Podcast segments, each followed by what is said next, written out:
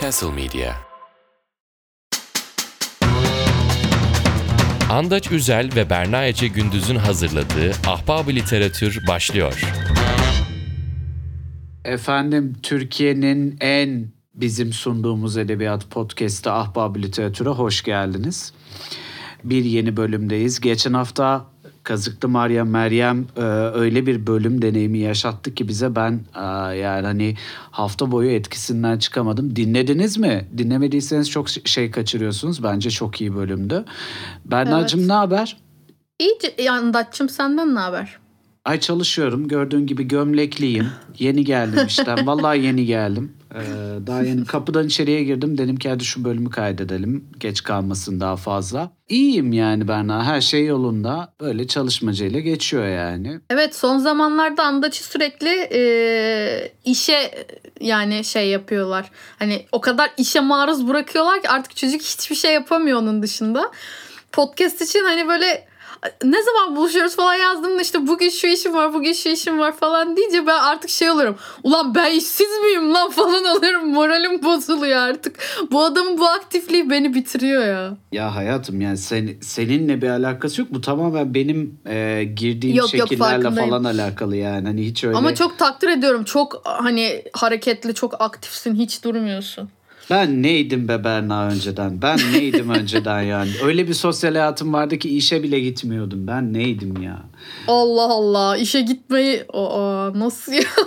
Öyle bir sosyal hayat mı Şimdi varmış? bak şimdi bak görüyor musun işte ben neydim ya? Vallahi billahi düşününce. Ben de bir zamanlar öyleydim. Her şeye yetişirdim. Şimdi yaşlandık yeğenim. Vallahi anca çalışmaya vakit bulabiliyorum yani. Evet. Evet. Hayat bizi bu hale getirdi. Peki e, bugün öncelikle e, şimdi bu bölüm ilginç bir bölüm. evet. Öncelikle bölümün sonunda bir sürprizimiz var. Evet. Orayı dinlemeniz lazım. Bölümün sonuna doğru yaklaştığımızda takdim edeceğim. Ama şunu söyleyeyim, ilginç bizim sesimizden başka bir ses duyacaksınız. Evet. Kesinlikle çok kalite kokan, çok mükemmel bir ses diyeyim. Tamam, Şey, Evet. spoiler vermeyeyim. Evet, çok ilginç bir deneyim olacak. İkincisi, bunun nedeni aslında bu hafta Cadılar Bayramı. Teknik olarak evet Ekim'in son haftası Cadılar Bayramı'na denk geliyor. Ee, genelde de Ekim'de böyle işte Cadılar Bayramı kutlaması havası falan geçer. O yüzden biz de hani bu haftaya bir yapalım dedik. Cadılar Bayramı politik olarak doğrucu bir söylem mi yoksa büyü bakımından avantajlı birey bayramı falan öyle bir şey demeli miyiz? Hiç böyle düşünmemiştim. Allah seni kahretmesin. Cadılar Bayramı me- yani mesela cadı diyerek Yani- ötekileştirici ayrı, ayrıştırıcı bir Hayır yani söylem. bey pazarı sodasına birey pazarı demenden sonra Cadılar Bayramı'na da bunu dedin ya ben daha neler duyacağım inan bilmiyorum. Hayatım ama Ha, ne ama yapayım yani güzelmiş. şimdi dönemi bu değil mi yani Hani bu dönemdeyiz yani her duyar, şey Evet duyar dönemindeyiz. ya duyar dönem bir de her şeyi gözden geçirmemiz gerektiğini falan hissediyorum yani hani bir şey söylerken çok endişeleniyorum. yani. Hiç düşünmedim böyle bir şey gerçekten. Belki vardır hani bunun e, tezlerini yazan, araştırmalarını yapan bazı e, akademisyenler. Büyü bakımından avantajlı birey bayramı ya da cadılar bayramı. Ee, bu hafta öyle bir şey var. Ama öncesinde konuşmamız gereken yani şöyle söyleyeyim e, bu, bu bölüm evet cadılar bayramı bölümü olacak ama öncesinde konuşmamız gereken bir şey var ki şu an burada oturup konuşmamızı da büyük neden e, büyük oranda ona borçluyuz.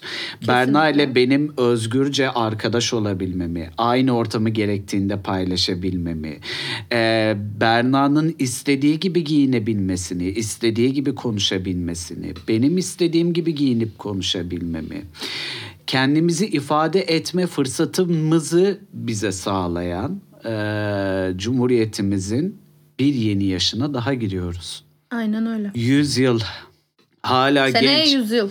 Evet seneye Yani 100 99 yıl ama evet, 99. yani 90. Hala genç bir demokrasi.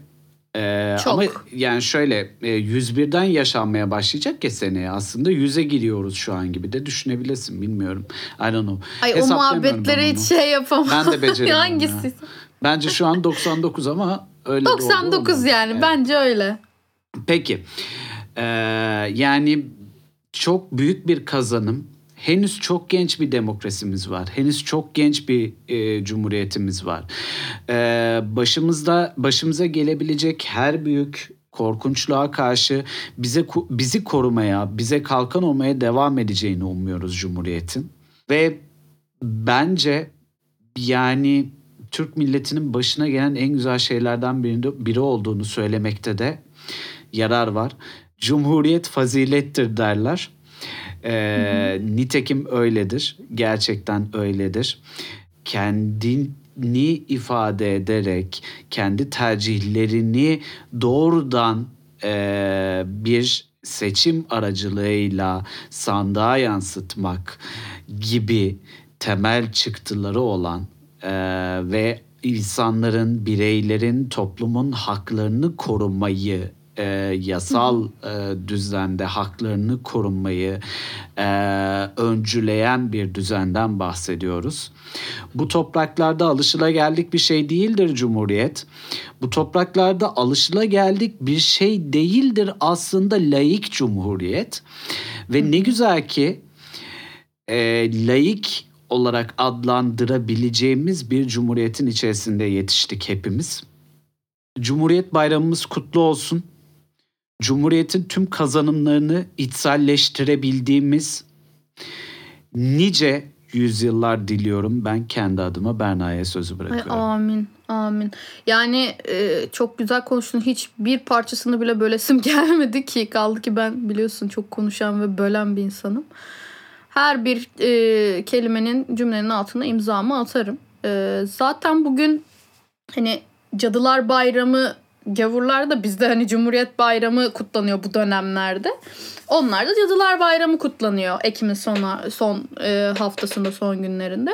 E, aslında bugün bu vesileyle konuşacağımız hani korku edebiyatına gireceğimiz e, eserde e, aslında buna da değinebileceğimizi düşündüm şu an nedense. Çünkü e, biraz daha böyle feminist bir yazardan ve e, işte haklarla alakalı işte bastırılmakla alakalı vesaire bir böyle bir kitap. Dolayısıyla Cumhuriyet'te borçlu olduğumuz çoğu şeyin bir kadın olarak e, bunu okurken yani düşünürken bunu hissettim. Bence Cumhuriyet'e de bağlarız buradan. Vay efendim benim atam ne kadar da güzel düşünmüş diye. Ben atama buradan da bir şeyimi çakarım. Saygımı sevgimi çakarım. Canım atam. Atam ya. Evet bak ismini e, anmadan geçtim gibi oldu. E, başta Mustafa Kemal Atatürk olmak üzere e, Cumhuriyet'in bugüne gelmesini sağlayan, laik Cumhuriyet'in savunulmasını sağlayan herkesi de saygıyla anıyor ahbab literatür. Evet, kesinlikle. Peki yani ben bugün şimdi... buralardaysak Cumhuriyet sayesinde buralardayız. Bunu da unutmasın bazı kimseler. Sapla. Ee, peki şimdi Sapladım. madem Cadılar Bayramı ben önce sana şey evet. sorayım. Sen neden korkuyorsun? Ya bak aslında bu bu çok ilginç bir şey. Ben aslında e, küçükken çok çabuk korkmayan bir insandım. Büyüdükçe daha çabuk korkmaya başladım.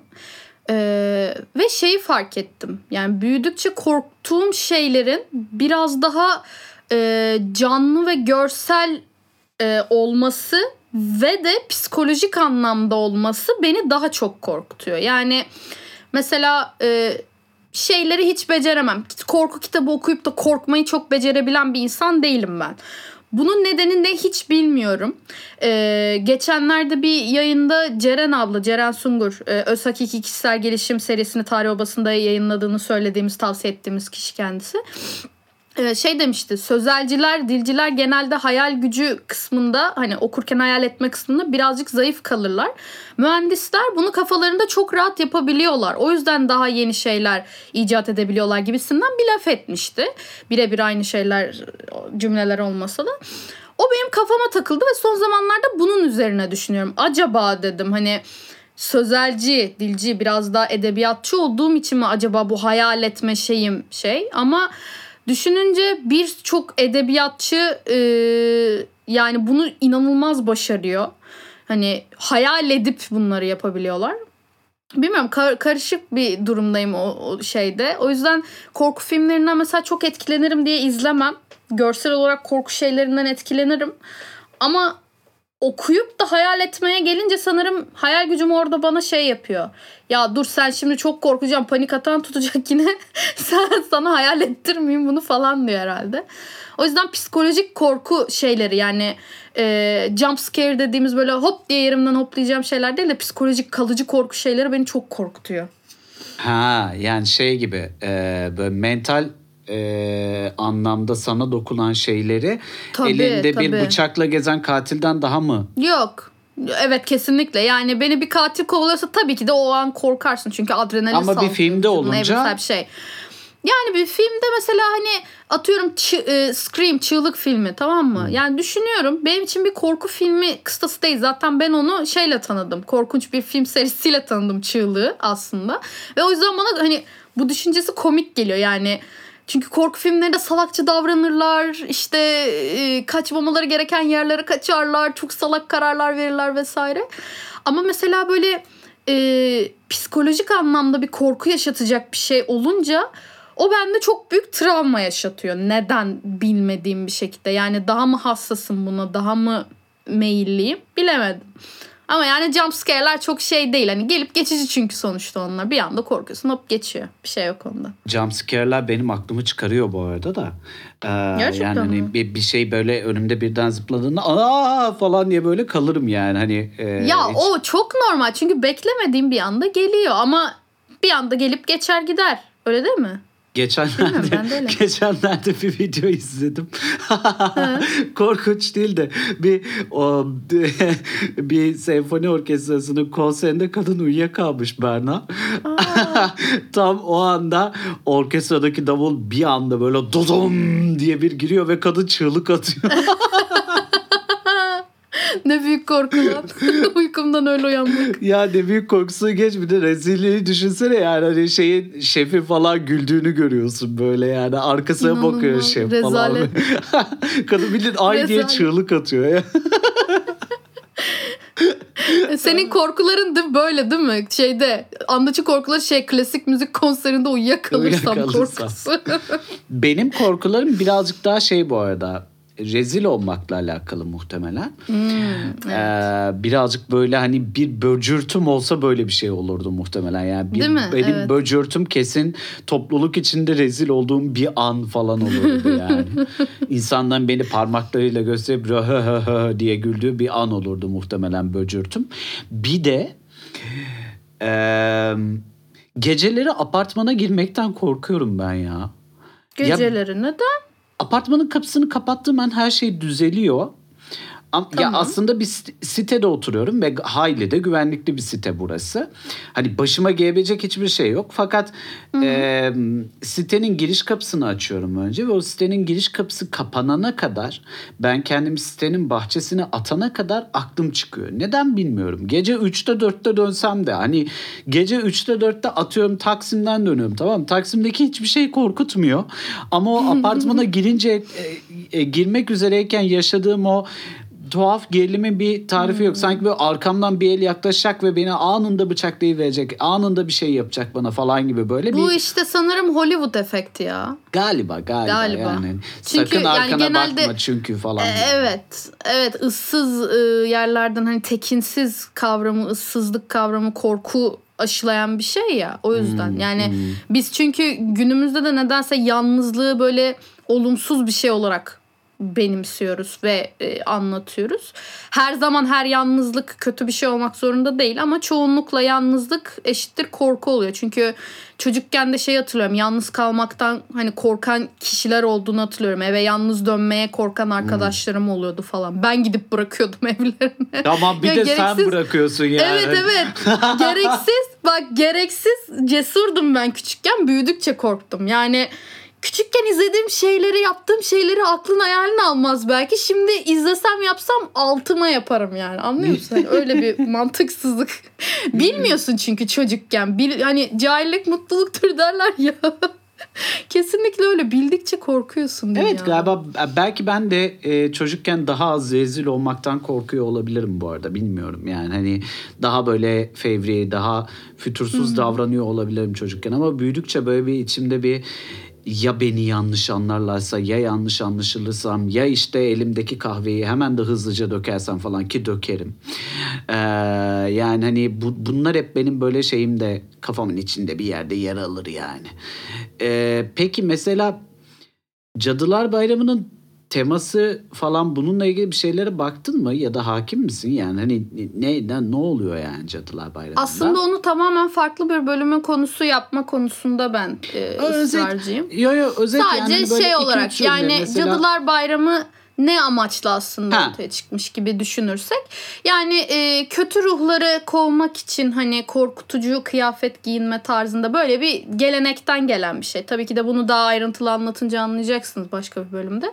Ama kısaca ve temel olarak kaba taslak olarak böyle diyebilirim. Yani e, hatta Türkiye'de Edirne'de de gocuk muydu neydi bir şeydi bocuk ne? Öyle bir şey de kutlanıyor. Edirne'de de yapılıyor bu böyle surata makyaj yapılıyor, tuhaf kıyafetler giyiliyor ve kötü ruhları kovduğuna inanılan bir şekilde sokakta dolaşılıyor. Ama Cadılar Bayramı zamanla bu şeyini kaybetmiş. Kültürel anlamda biraz daha böyle entertainment yani eğlence sektörünün bir e, maşası haline gelmiş. İşte şeker toplamaktır, e, ne bileyim kostüm düşünmektir. Çünkü Cadılar Bayramı'nda asıl amaç korkunç bir şey kılığına girmektir. Ve şu anda mesela sevimli bir şey kılığına girip de Cadılar Bayramı kostümün diyebiliyorsun buna. O yüzden e, kültürel olarak aslında çok değişmiş bir şeye sahip, e, tarihe sahip.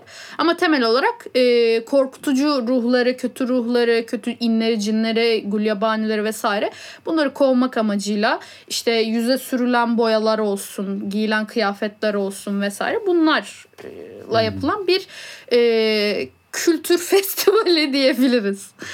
Benim eee jenerik bir Cadılar Bayramı kostümüm var ve anlattığın kadarıyla hiçbir şekilde de Cadılar Bayramı'nın genel ruhuna uymuyor bu arada.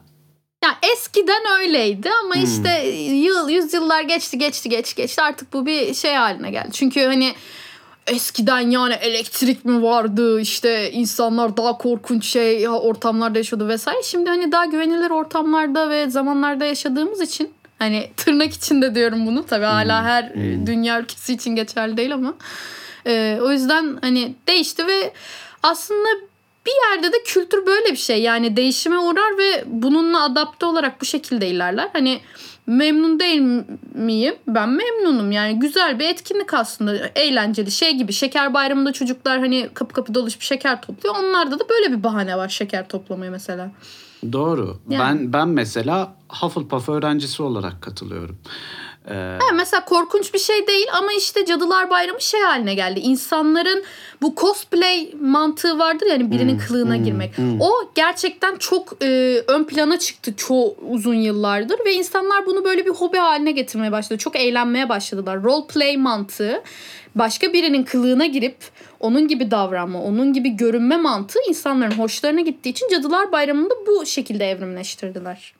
Kesinlikle. Ve galiba korktuğumuz şeyler de çok değişti. Ben artık e, işte Kesinlikle. in- inden, cinden, periden değil de patrondan Değil. gelecek bir mailden falan daha çok korkuyoruz yani. Evet evet. Kesinlikle ya. Yani şey eskiden mesela hayaletlerden korkarsın atıyorum. Çocukken işte ışığı kapatıp hızlı odana koşarsın falan. Mesela tuvaletten çıktıktan sonra falan. Hani böyle korkuların olur. Karanlıktan maranlıktan korkarsın ama sonra bir bakıyorsun büyüyorsun abi gerçekten patronundan gelen bir mail oluyor korkuları. Geç yatan maaş mesela. Allah hafazan Ay, Allah. evet, Herkesi korusun yani. Hani beşinde değil Beni- de altısında yatan maaş. Beni şey de çok geriyor, korkutuyor demeyeyim de sadece ismini yazıp başka hiçbir şey yazmayarak mesela Berna diyor mesaj atıyor Ay ve çıldırırım. hiçbir şey yazmıyor. Çok geriliyorum bu konuda. Yani muhtemelen iyi bir şey diyecek ya da sadece hani öyle giriş yapmak istedi. Ama çok geriliyorum. Ben uyarıyorum biliyor musun? Bana mesela andaç yazıp enter'a basmış o arada yazıyor. Ben de onu gördüm. Allah. Eyvah. Dedim ki yani ya sen ne istiyorsun ben? Benim huzurumdan ne istiyorsun şu an ya? Ne istiyorsun yani? Tamam 12 buçuk saniye sürüyor olabilir peşinden gelen mesajı atmak. Ama ya bu korkutucu bir şey anladın mı? Çünkü andaç enter e, Evet.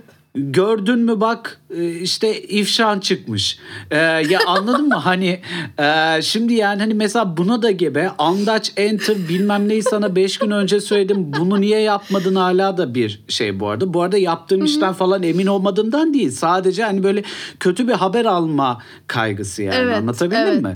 Ki hep de öyle olur. Çünkü normalde ben sana hiç Berna demiyorum ki ben sana. Canım diyorum. Boncuğum ne yapıyorsun Ha, diyorum. Bir şey diyorum aynen ya. böyle mı? şeyler. Tam da ondan kaynaklı diyecektim. Yani bu e, Amerikan filmlerinde, Hollywood filmlerinde de şeyi fark etmişsindir belki. Anneler çocuklarına kızdığı zaman bütün isimlerini Hmm. Ay, söylerler. evet ya. Mesela çocuğun bir takma ismi vardır. Atıyorum ki P ve J harfleriyle oluşan iki ismi var. PJ diyorlar çocuğa Hmm. tamam mı? Pijama gibi.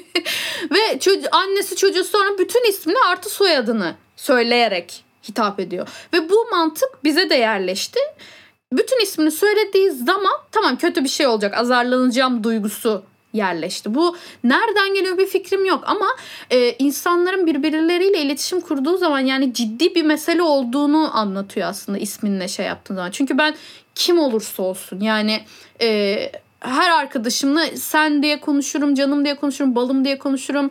E, bir tanımadığım bir insanla kibar konuşurum vesaire ama ismini yazıyorsam işte merhabalar X kişisi, merhabalar Ahmet e, kişisi falan böyle mesela konuşuyorsun. Dolayısıyla sadece ismini söylemek, hani sadece ismini söylemek bir noktada ciddiyet e, şey gerektirdiği için insan şey oluyor. Eyvah bir şey yaptım. Bu muhtemelen bu filmlerle bizim kafamıza yerleşti gibi düşünüyorum. Evet, Ama bir muhtemelen. korku akademisyeni bunu Muhtemelen. biliyordur yani daha geçmiş. Şey gibi böyle Eugene Jack çabuk buraya gel falan hani. Buldum, buldum. Şimdi geldi aklıma. Ee, korku akademisyeni deyince neden geldi aklıma bilmiyorum ama e, birinin ismini bilmek, onun üzerinde hakimiyet sahibi olmak anlamına geliyor edebiyatta. Bunu yer deniz konuşacağımız zaman da aslında konuşacağız. Aa, O zaman daha ayrıntılı konuşuruz. Hmm. Ama birinin bir varlığın daha doğrusu ismini bilmek onun üzerinde bir güç sahibi olduğunu göstermek demektir. Normalde biz hayvanlarımıza isim veriyoruz ya Doğru. onların sahipleri olduğumuzu aslında e, ifade ediyoruz kanıtlıyoruz vesaire. Böyle bir mantığı vardır hayvanları e, isimlendirmenin aslında. Çünkü o senindir. O sana aittir. Ya da ne bileyim işte herhangi bir eşyana, ayıcığına, işte doldurulmuş hayvana, yastığına, ne bileyim telefonuna, bilgisayarına bir isim veriyorsan bir aletine, bir şeyine, bir eşyana bu senin onun üzerinde hakimiyet sahibi olduğunu aslında ifade eden bir şey. Edebi açıdan. Şey diyebilir miyiz? Buradan geliyor yani. If you like it then you should put a name on it. Aynen. o kadar çok seviyorsan isim koy o zaman karşı. Peki. Kesinlikle oradan geliyor yani. Tamam şimdi şimdi çözdüm. Bakın 5 dakika içinde beynim iyi çalıştı. Beyoncé da atıf yaptığımıza göre Evet. Beyoncé. Beyoncé. Bizi dinle. Beyoncé. Beyoncé bizi dinle bebeğim. Aa, Queen. Aa, peki şimdi eee, bir korku eserimiz var. Ki sen bana önerdiğinde ben fikir sahibi değildim işin açıkçası. Evet.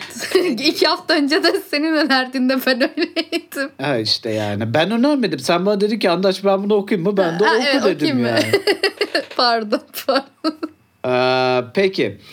Ee, eserimizle ilgili şöyle kısa bir Evet. girizgah yaparak mesela Cadılar Bayramı bölümünde neden bu esere ufaktan bir temas ediyoruz? Neden bu eser hakkında konuşmak istedikten şöyle bir başla bakalım.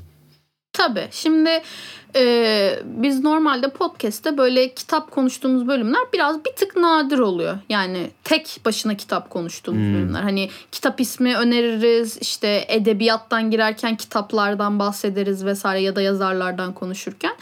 Ama hani sadece tek bir kitap ka- e, kapsamında birazcık nadir oluyor ve bu bölüme de öyle bir şey yapalım dedim. Çünkü her sene var olan bir şey bu e, Cadılar Bayramı ve e, Allah uzun ömür verirse Ahbab Literatür'ün daha diğer bölümlerinde de başka konularla hani Cadılar Bayramı'nı doldururuz diyerekten bu sene böyle bir şey yapalım dedim ve e, üniversitede okuduğum aslında çok da korku sayılır mı bilmiyorum.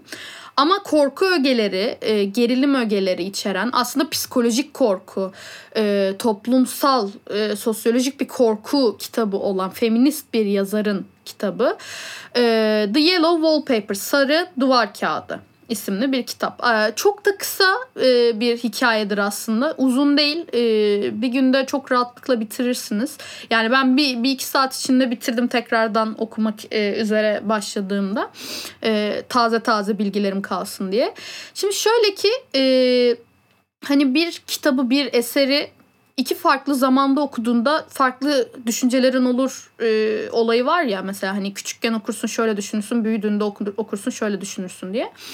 E, üniversitede ben bunu e, bir dersim için okuyordum ve çok etkilenmiştim ve bunun yazma üzerine yani e, biraz daha yaratma süreci üzerine bir e, sessiz çığlık olduğunu düşünmüştüm ve aklımda öyle kazınmış. O şekilde ge- gelip geçmiş. Geçenlerde de hani bölüm için konu çıkarttım derken kitaplar arasında buna rastladım işte korku türleri, gerilim türleri vesaire diye. Bu kitabı da aralarına koymuşlar sarı duvar kağıdını. Hı hı. De- dedim Allah Allah hadi bunu alalım. Hem ben de tekrar okumuş olurum. Çok beğenmiştim çünkü. Yani inanılmaz hoşuma gitmişti ve çok ilham aldığım hani böyle wow diye böyle hani ilham almaktan ziyade hani böyle aydınlandığım aslında içe dönük, dışa dönük, psikolojik, sosyolojik her türlü böyle analizini yapabildiğin inanılmaz bir eser olarak bana gelmişti. Dolayısıyla ben de bunu hatırladığım için hani dedim ki hadi bunu okuyalım. Hem kısa da andaça da şey yük olmaz dedim. Ve e, bunu seçmeye karar verdim. E, şimdi kendisi e, Sarı Duvar Kağıdı'nın yazarı e, Charlotte e, Perkins Gilman. Gilman ya da bilmiyorum. E, kendisi bir aslında feminist yazar diyebiliriz. E, kitaptan bahsetmem gerekirse çok kısa bir hikaye ama her zaman dediğim gibi unutmayın. e, kısa hikayeler her zaman en dolu olan hikayelerdir. En çok analizi çıkarılabilecek hikayelerdir. O yüzden e, birazcık şey yani arka planı dolu. Ama merak etmeyin okuması zor değil. Çok kolay akıyor. E, çok rahat okuyabiliyorsunuz. Sadece e, ilerleyen noktalarda Andaç'a bir şey sormak istiyorum. birazcık feminist açıdan yazılmış bir kitap olduğu için Andaç'a fark edebildi mi diye soracağım. E, şimdi şöyle ki Sıçtık Yellow sınava Wallpaper- sokacak bir de hiç gerek varmış gibi sınava sokacak bir de ya. Tabii tabii çıkar kağıtları quiz yapacağım. Lan Silivri zaman- otobüsünde okudum. Silivri'ye gidiyordum. Silivri'ye. Neyi fark tamam edeceğim? daha iyi. Daha iyi. Silivri soğuktur hani. Salak. Salak. böyle böyle bağlarız işte. Ee, şimdi sarı duvar kağıdı e, aslında yani ismi çok net ve e, direkt kendisini özetleyen bir şey. Bütün olay sarı bir duvar kağıdıyla alakalı arkadaşlar. Ee, kısa bir özet geçeyim. Bir hanım var. e, bir kocası var. Kocası doktor. E, kadın yeni doğum yapmış ve doğum sonrası depresyon gibi bir problem yaşıyor bir hayatında depresyon döneminde. Ve e, yeni evlerinde e, bir odada bir odası var evin. Sarı çok kötü ama böyle kokan e, yani şey sinestezi dediğimiz hani böyle renk kokar mı diye düşünürken Hmm. kadın gerçekten bunu yazmış. Yani yazar demiş ki sarı rengi resmen kokuyordu hani falan diye cümlesi var. Ee, sarı, iğrenç, böyle mide bulandırıcı, daraltıcı bir sarı. Ee, yırtık pırtık duvar kağıdı. İçerisi kokuyor. İşte e, penceresinde şeyler var, demirler var. Yatak yere sabitlenmiş. Hani oynatılamıyor yerinden vesaire. Böyle bir oda olduğunu düşünün. Ee, ve kritikler de eleştirmenler de zaten bunun daha önceden bir e, akıl hastanesi odası olarak yani bir akıl hastasının odası olarak kullanıldığını e, düşünüyor. Çünkü hani böyle bir önlem niye olsun başka hani pen- evin penceresi niye demirlensin yatak niye sabitlensin vesaire.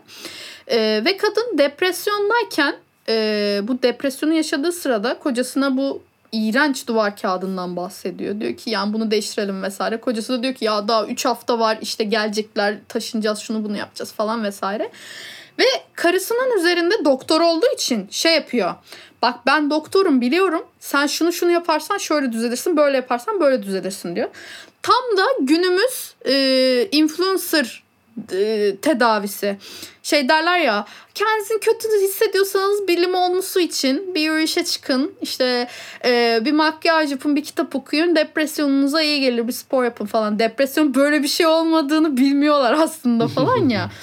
Adam da aynı o mantık. Yani tekrar okuyunca onu fark ettim. Adam tam olarak o. Yani hiçbir şey bilmeden zırva zırva konuşuyor karısına.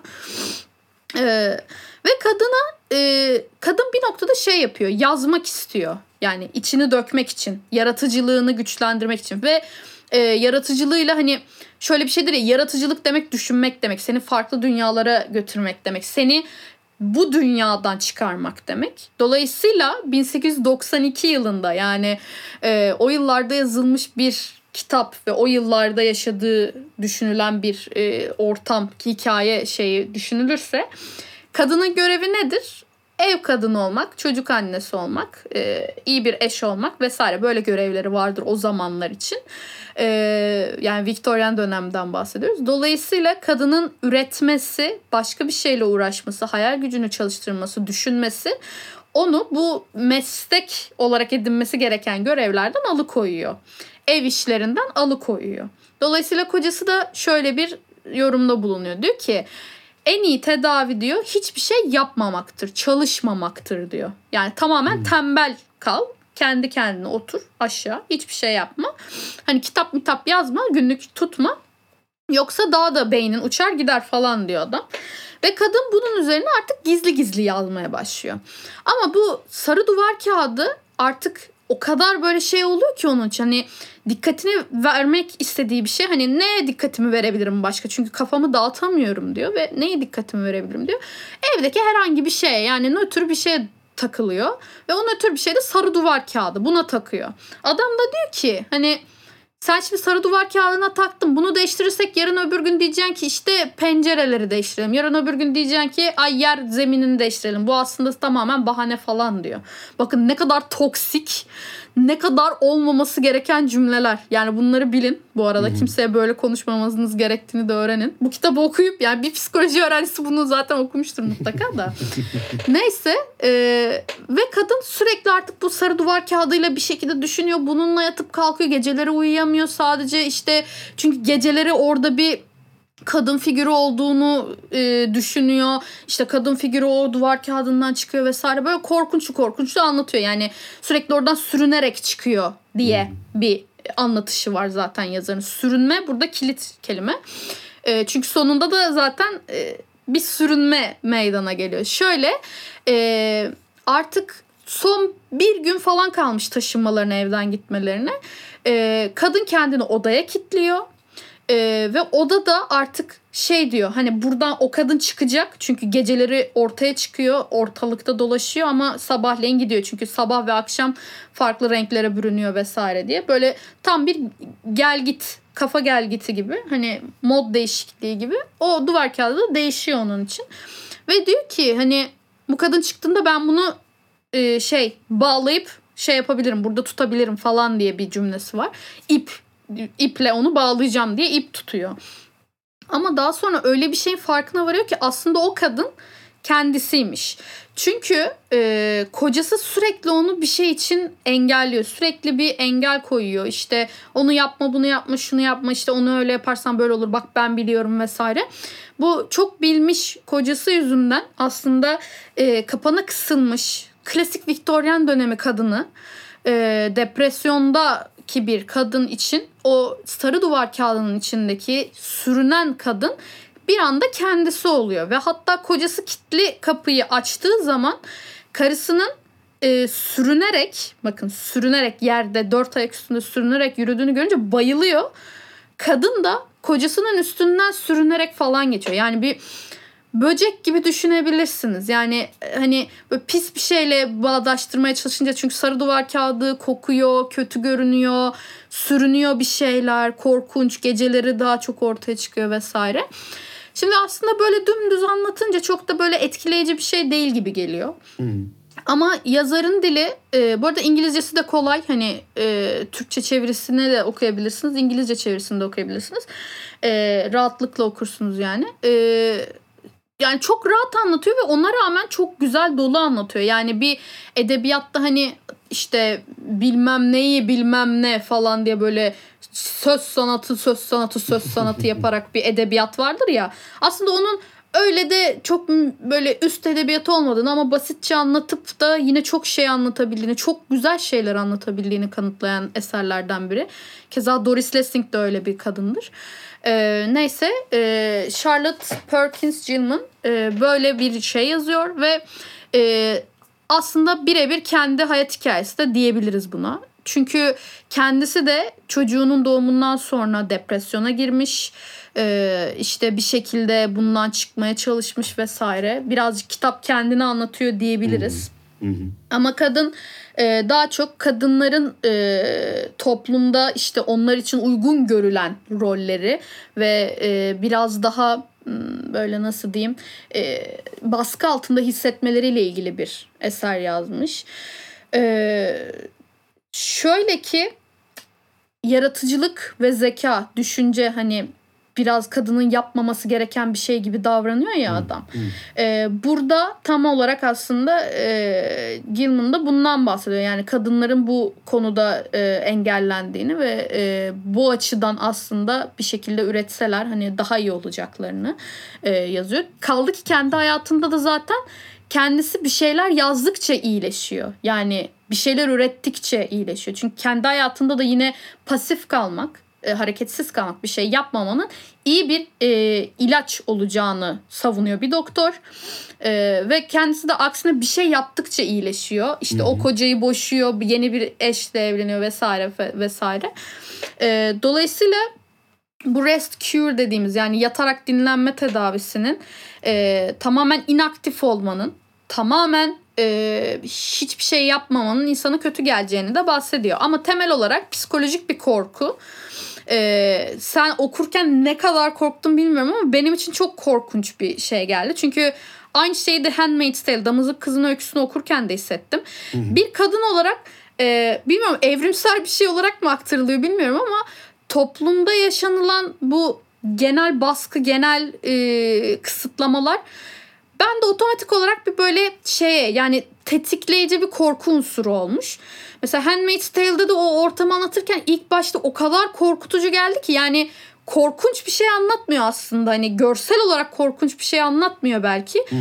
Ama yani orada bir bastırılmışlık, tecavüz, işte e, kontrol altına alma, kölelik vesaire şeyler var. Burada da yine kadın kontrol altına alınmaya çalışıyor. işte üretilmesi engelleniyor vesaire. Bunlar ne kadar korkunç bir şey. Yani şimdi düşünüyorum da biz hani bak nereden nereye bağlayacağım. Cumhuriyet sayesinde neler yapabiliyoruz? Üretebiliyoruz. Ben şu an mesela Cumhuriyet sayesinde bugün çıkıp konuşabiliyorsam e, seninle özellikle bir erkekle bunu yapabiliyorsam ve e, birinin benden üstün olmadığını savunabildiğim bir feminizm konuşabiliyorsam ya da üretebiliyorsam aslında bak bunları neye borçluyuz diye böyle de bağlayayım. Sen işte okurken sen okurken bu korkuyu hissettin mi? Benim merak ettiğim nokta o. Çünkü bir kadın okurken bunu hissetmesi çok normal geliyor bana. Yani dediğim gibi böyle genetik olarak aktarılan bir korku mu bilmiyorum ama bir erkek olarak okurken mesela ne hissettin çok merak ediyorum. Gerginlik hissettim. Gerginlik hissetmedim diyemem. Yani korkuyu da yani kadının gözlerinden bakınca e, bakmaya çalışınca daha doğrusu birebir o deneyimi yaşamam zaten muhtemelen mümkün değildir. E, ama kadının gözünden bakınca e, hissettim diyebilirim yani. E, o böyle kadının içinde bulunduğu ruh halini de e, işte bu yarattığı sıkıntı halini de e, kaygı halinde hissettim diyebilirim. Hı hı. Ee, ya o konuda aslında başarılı bir dili var yazarın. Kesinlikle kesinlikle üstüne üstüne basit geliyor sanki ama, böyle. Evet bas, basit bir dili var ama yani sana yaşatabiliyor bunu. İşte sanırım e, korku edebiyatı dediğinde böyle bir şey olmalı. Mesela yani Turn of the Screw, e, Yürek Burgusu mesela hmm. çok aslında tekinsiz bir e, atmosferi olan bir kitaptır ve e, işte hayaletler, sanrılar bilmem neler ya da ne bileyim hmm. Frankenstein hmm. biraz daha gotik bir şey ve canavar vesaire. Hani böyle şeylerden mesela ben hiç korkmadım.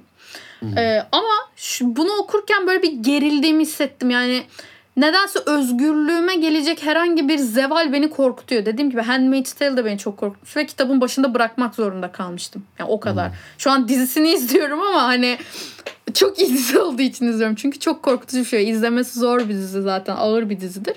Hani bilmiyorum hani sadece feminist açıdan bakınca mı korkutucu geliyor?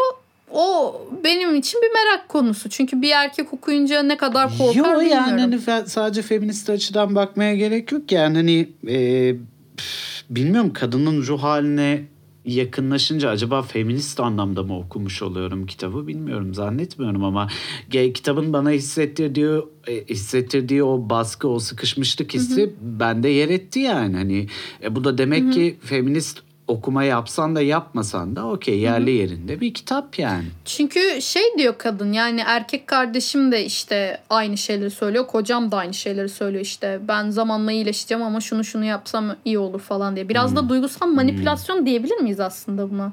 Hani çünkü kadının aklına giriyorlar ve sen böyle yaparsan böyle olursun diye ona hani şey yapıyorlar. Ya da Normalde hiçbir- mansplaining. O da olabilir evet. Yani daha çok erkeklerin çok bildimcilik e, ayağıyla kadınlara ders vermesi. Ya aynen öyle. Bir de şey var ya postpartum e, dediğimiz bu. Evet doğum evet sonrası- doğum sonrası depresyon. Tam olarak o zaten. Yani çocuğundan bahsediyor e, ama yani çocukla bir alakası yok aslında bence. Yani o hormonal bir şeydir tabii ki de. Hani doğum sonrası bir depresyon yaşanır elbette ama e, temel kaynağı ben çocuk doğurduğumda şey oldum gibi düşünmedim. Yani Yok, biraz zannetmiyorum, feminist bir açıdan okudum yani. Zannetmiyorum. Peki. Ben bölümü kapatacağım. Allah Allah tamam. Çünkü Hep ben konuştum. çünkü ya sen konuştun çünkü Ha, şimdi evet. Evet. hanımlar beyler Ahbab Literatür Bir e, ilk. size bir Cadılar Bayramı Sürpriz. sürprizi hazırladı. Evet. Birazdan biz mikrofonu e, değerli bir yazara devrediyoruz. Mehmet Berk Yaltırık e, bizim için Uuu, yaşasın. küçük bir e, korku, Korku öyküsü hikaye. seslendiriyor. Ve Cadılar Bayramımız böylece biraz da daha fazla mı kutlu oluyor acaba diye düşünüyorum. Çünkü bence daha da ne olsun gibi yani. Tabii. Ee, karşınızda Ahbab Literatür'ün Cadılar Bayramı sürprizi. Bir dahaki bölümde görüşünceye kadar kendinize iyi bakın. Çok da korkmayın. Bay bay. Korkun korkun. Yalnız kalmayın ama. Bir şey diyeceğim Bay. ya. Abi se- şey kaydı dinledim. Berna kaydı kaydı kaydı ilk dinlediğimde aklım çıktı. Ben gerçekten çok korktum. Çok çok güzel öykü. Çü- çünkü Mehmet Berk Yaltır'ın kalemi inanılmaz korku. ya uf, harika bir korku yazarı ya. Gerçekten. dinleyin Mükemmel dinleyin. bir şey dinleyeceğiz Harika. şimdi. Görüşürüz. Evet. Bay bay. Bay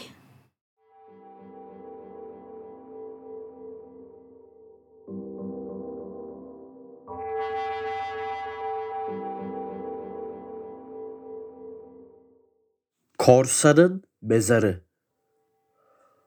Hangi sahaftan, hangi çeyiz sandığından geldiği, oralara nasıl girdiği meçhul bir harita getirmişti bizi buraya. İzmir İtalyanlarından 80 baharı devirmiş yaşlı bir rahibe okutup Ceneviz lisanıyla nakşedilmiş bu haritanın sırrına vakıf olunca denize nazır mağaraların bulunduğu bu uğursuz ve ürkütücü yere gelmiştik. Duvarlarında putperest devirlerin mabut tasvirleriyle arabesk şarkı sözlerinin bir arada olduğu, zemininde sayısız bira şişesinin bulunduğu mağaraların girişlerini dedik dedik aramıştık. Fırtınaların habercisi rüzgarlar, görünmeyen ölülerin elleri misali oramıza buramıza yapışıp bizi uçurumlara doğru çekip sürüklerken zalim kayalıkların tepelerinde dolaşmıştık. Büyükçe bir haç ve kuru kafa tasvirinin kazılı olduğu mağara ağzını bulunca oraya saptık. Bir süre sonra zemindeki bira şişelerinin yerini kuru kafalar ve kemikler almaya başladı. Duvarlarda örümcek ağlarından kasvetli sancaklar sarkıyordu. Küf kokulu ağır bir hava ciğerlerimizi işgal ediyordu. Üstünde haçlı kuru kafa tasviri olan ahşap bir kapıya denk geldiğimizde korkuyla ürperdik. Kapının her iki yanında yere çökmüş olan paslı kılıçları ellerinde hazır iki iskelet durmaktaydı. Göz boşluklarındaki karanlıktan ve tekinsiz sırıtmalardan ürke korka kapıyı açtığımızda alabildiğine uzanan başka bir dipsiz dehlizle karşılaştık. Sağda solda içleri boş barut ve şarap fıçıları, paslı zincirler ve kılıçlar, çürümüş Tatar yayları ve oklar, Venedik ve Ceneviz topraklarından rengi solmuş flamalar, zırhlı kimseler ve parçalanmış elbiseleri olan müteveffa korsan iskeletlerin üzerlerinden atlaya sıçraya geçtik.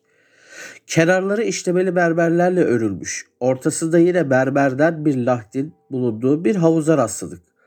Suları çoktan kurumuş, yeşil tabanlı havuzun içinde ayak yerine up uzun bir balık kuyruğu taşıyan tuhaf bir insan iskeleti gördük.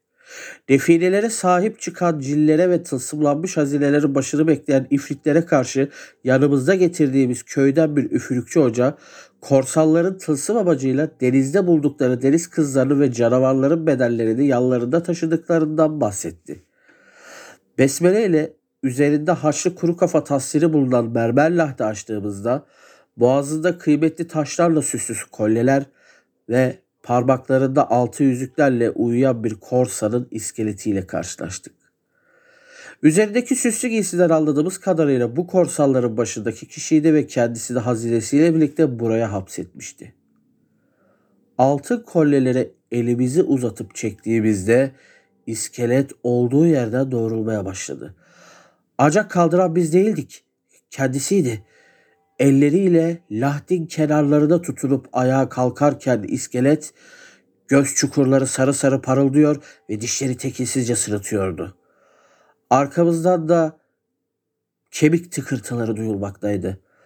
Yere sürtülen paslı kılıçların sesleri ve zincir şakırtıları da bu korkunç kemik tıkırtılarına eşlik etmekteydi ve bize doğru geliyorlardı.